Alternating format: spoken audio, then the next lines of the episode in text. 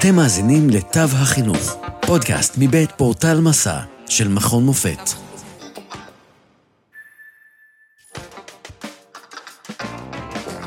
ספרות ילדים, היסטוריה, מבט ביקורתי והקשר ישראלי, מאת דוקטור ברק בר זוהר. שלום למאזינים ולמאזינות, כאן דוקטור ברק בר זוהר מפודקאסט תו חינוך מבית היוצר של פורטל מסע ומרכז הידע האקדמי במכון מופת.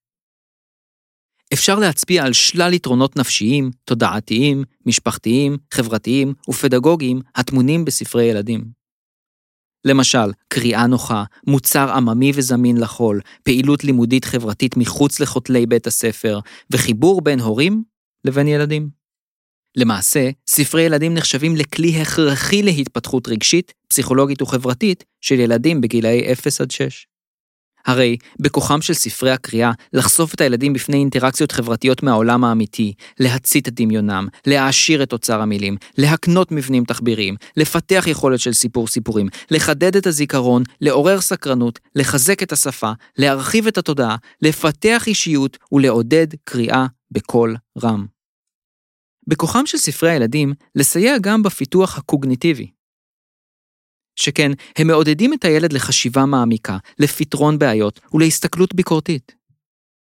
במקביל, הקוראים נחשפים למושגים חדשים, לנקודות מבט שונות ולנרטיבים מורכבים אשר יכולים לשמש כבסיס לפיתוח חשיבה אנליטית.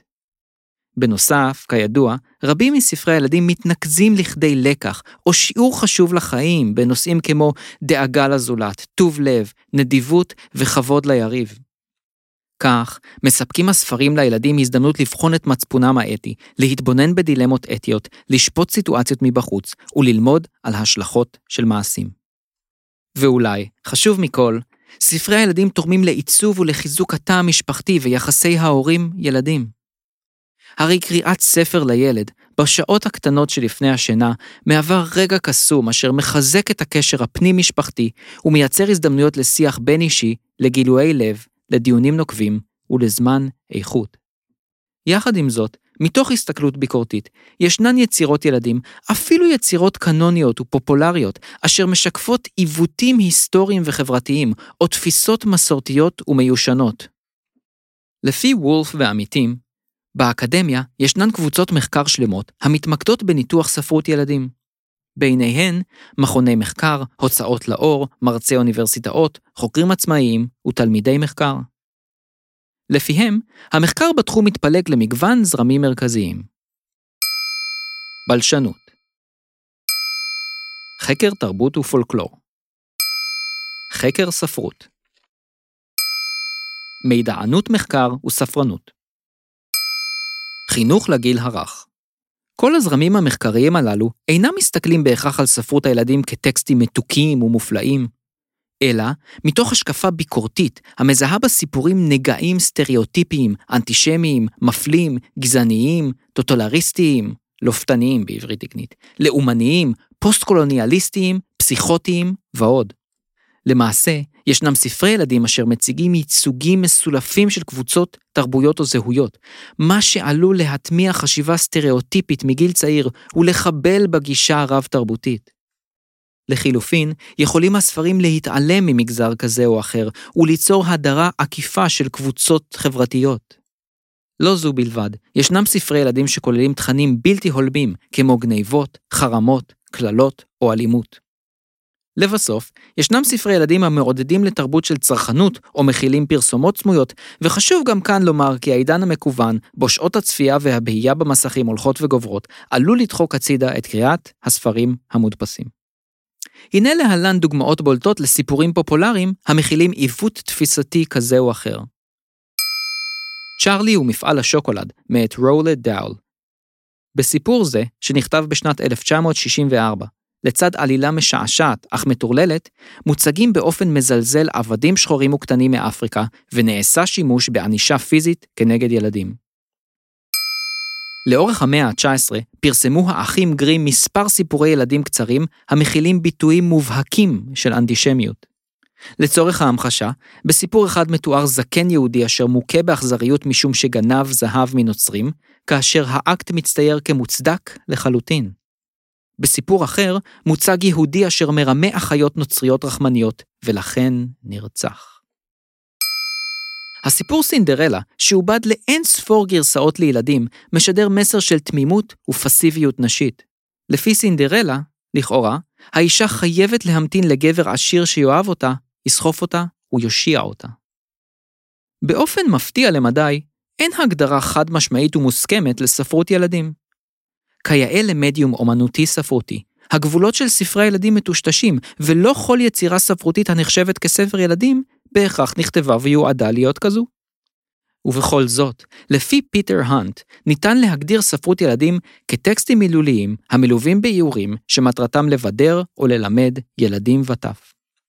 ספרות הילדים מכילה מגוון של ז'אנרים, כמו סיפורים מפה לאוזן, סיפורי עם, מעשיות, משלים, ספרי תמונות להוראת אותיות, חיות, חפצים, מספרים, צבעים או צמחים, אוגדן שירים, סיפורים עם מעט מלל, קומיקס וספרי משחק. עלילת סיפורי הילדים נוטה להישען על סגנון אגדתי, בדיוני, ביוגרפי, דרמטי, היסטורי, הרפתקני, מסתורי, ריאליסטי, פואטי, פנטזיונרי, קומי, נונסנס או מדע בדיוני.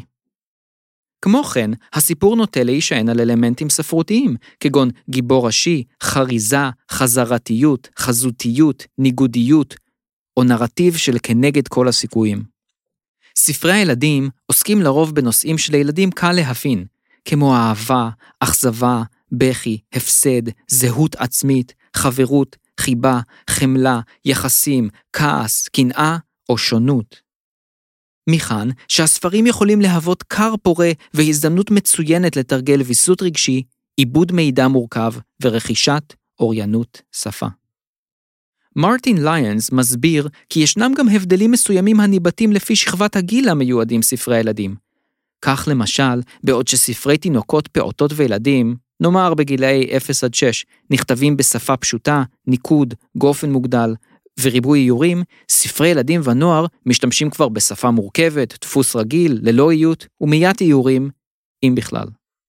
מבחינה היסטורית, לפי ג'ואנה ברדלי, במשך מאות שנים נהגו המבוגרים להשתמש בספרות ילדים בעזרת סיפורים כדי לחנך, ללמד ולבדר ילדים. עוד במצרים העתיקה, בעידן הפפירוס, נמצאו עדויות לספרי ילדים מאוירים.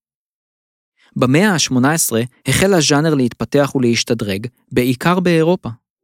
זאת, מתוך מטרה לנטוע בדור הצעיר ערכים משפחתיים וחברתיים, נורמות תרבותיות ומידע הכרחי על העולם שבחוץ. לכן, ספרי הילדים הראשונים שהודפסו, הופצו ותועדו, לבשו סגנון דידקטי, מטיפני ואפילו דתי. באותן שנים החלה להתגבש תפיסה לפי המשחקיות וההנאה עשויה להניע ילדים להתנהגות טובה יותר. זאת, כמובן, בהשוואה לענישה, הטלת משמעת, הלקאה והכאה. יש לציין כי עד היום נעשה שימוש נרחב בספרי ילדים על מנת להחדיר אתוס וערכים דתיים, לאומיים ופטריוטיים. היצירות הבולטות במאה ה-18 ובמאה ה-19 היו אגדות האחים גרים מפצח האגוזים מאת ארנסט תיאודור וילהם הופמן אליסה בארץ הפלאות מאת לואיס קרול תום סויר מאת מרק טוויין פינוקיו מאת קרלו קולודי. ספר הג'ונגל מאת רודיארד קיפלינג. הקוסם מארץ עוץ מאת ליימן פרנק באום. פיטר פן מאת ג'יימס מת'יו ברי בתחילת המאה ה-19. לאורך המאה ה-19 החלו ספרי הילדים ללבוש אופי הומוריסטי, קליל יותר, אמפתי, ילדותי, דמיוני ולעיתים אבסורדי או סאטירי, בהשוואה לסגנון הדידקטי-לימודי במאה הקודמת. במקביל, קל יותר היה להדפיס ולהפיץ את הספרים הודות לשכלולים טכנולוגיים בתחום הדפוס, הוזלת מחירי הדפים והתיעוש המתקדם. ספרי ילדים בולטים לאורך המאה ה-20 והמאה ה-21 הם פו הדוב מאת אלן אלכסנדר מילן הזחל הרעב מאת אריק קארל העץ הנדיב מאת של סילברסטיין חתול תעלול, מאת דוקטור סוס. טרוף אותי, מאת ג'וליה דונלדסון. Where the Wild Things Are, by מוריס סנדק. ולקראת סיום, מעט מידע לגבי האיורים. לפי ברונו בטלהיים, בשונה מספרי מבוגרים, נהוג מאוד שציורים ואיורים מלווים את ספרי הילדים. התכנים החזותיים יכולים להצרב בזיכרון הילדים, להסב הנאה רבה וסיפוק, ולמלא תפקיד חשוב בקרב קוראים רכים וצעירים, בעיקר אלו שטרם למדו קרוא וכתוב. איור טוב, אגב, הוא כזה המוסיף משמעות ועומק לטקסט הכתוב, ולא רק מתאר את המתרחש. איורים הינם כלי חזותי עוצמתי, שיכול לעורר את סקרנות הילדים, להגביר קשב, לשבות את ליבם ולהציג בפניהם עולמות חדשים של דמויות, רעיונות, עלילות, סמלים, צבעים ורקעים. האיורים יכולים גם לסייע לילדים לפענח מילים כתובות ולקשר בין ציור לבין מילה. למעשה, האיורים יכולים להעניק חיים לדמויות פלסטיות ולאפשר לקוראים הצעירים להיקשר לגיבורי או גיבורות הסיפור. כך גם הבעות הפנים, שפת הגוף והמחוות של הגיבורים עוזרים לילדים לפענח רגשות וחוויות ולהעשיר את חוויית הקריאה. ולסיום, מתוך הסתכלות ישראלית ואישית, הנה כמה מספרי הילדים המספקים ביותר שראו אור בישראל. האריה שאהב תות, מאת תרצה אתר. מעשה בחמישה בלונים, מאת מרים רוט. פילים בכל הצבעים, מאת עמי רובינגר. בעצם אולי כל הספרים של עמי רובינגר. סיר אסירים, מאת אלונה פרנקל. מי הרס את הקרקס, מאת נויה שגיב. מתן החול וההר הגדול, מאת אורי פנחס נוסבאום. הדרקון וסוד הענפים, מאת נטלי גבירץ. והילד הזה הוא אני, מאת יהודה אטלס. לעוד מידע, היכנסו לאתר portal.macam.ac.il p-o-r-t-a-l נקודה m-a-c-a-m נקודה a-c.il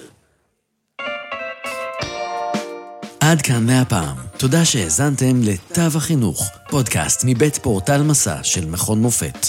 פרקים נוספים תוכלו למצוא בפורטל מסע, או באפליקציית הפודקאסט האהובה עליכם. אתם מוזמנים לשלוח לנו תגובות, רעיונות, לשתף עם אחרים ולעשות מנוי לפודקאסט תו החינוך. נשתמע בפרק הבא.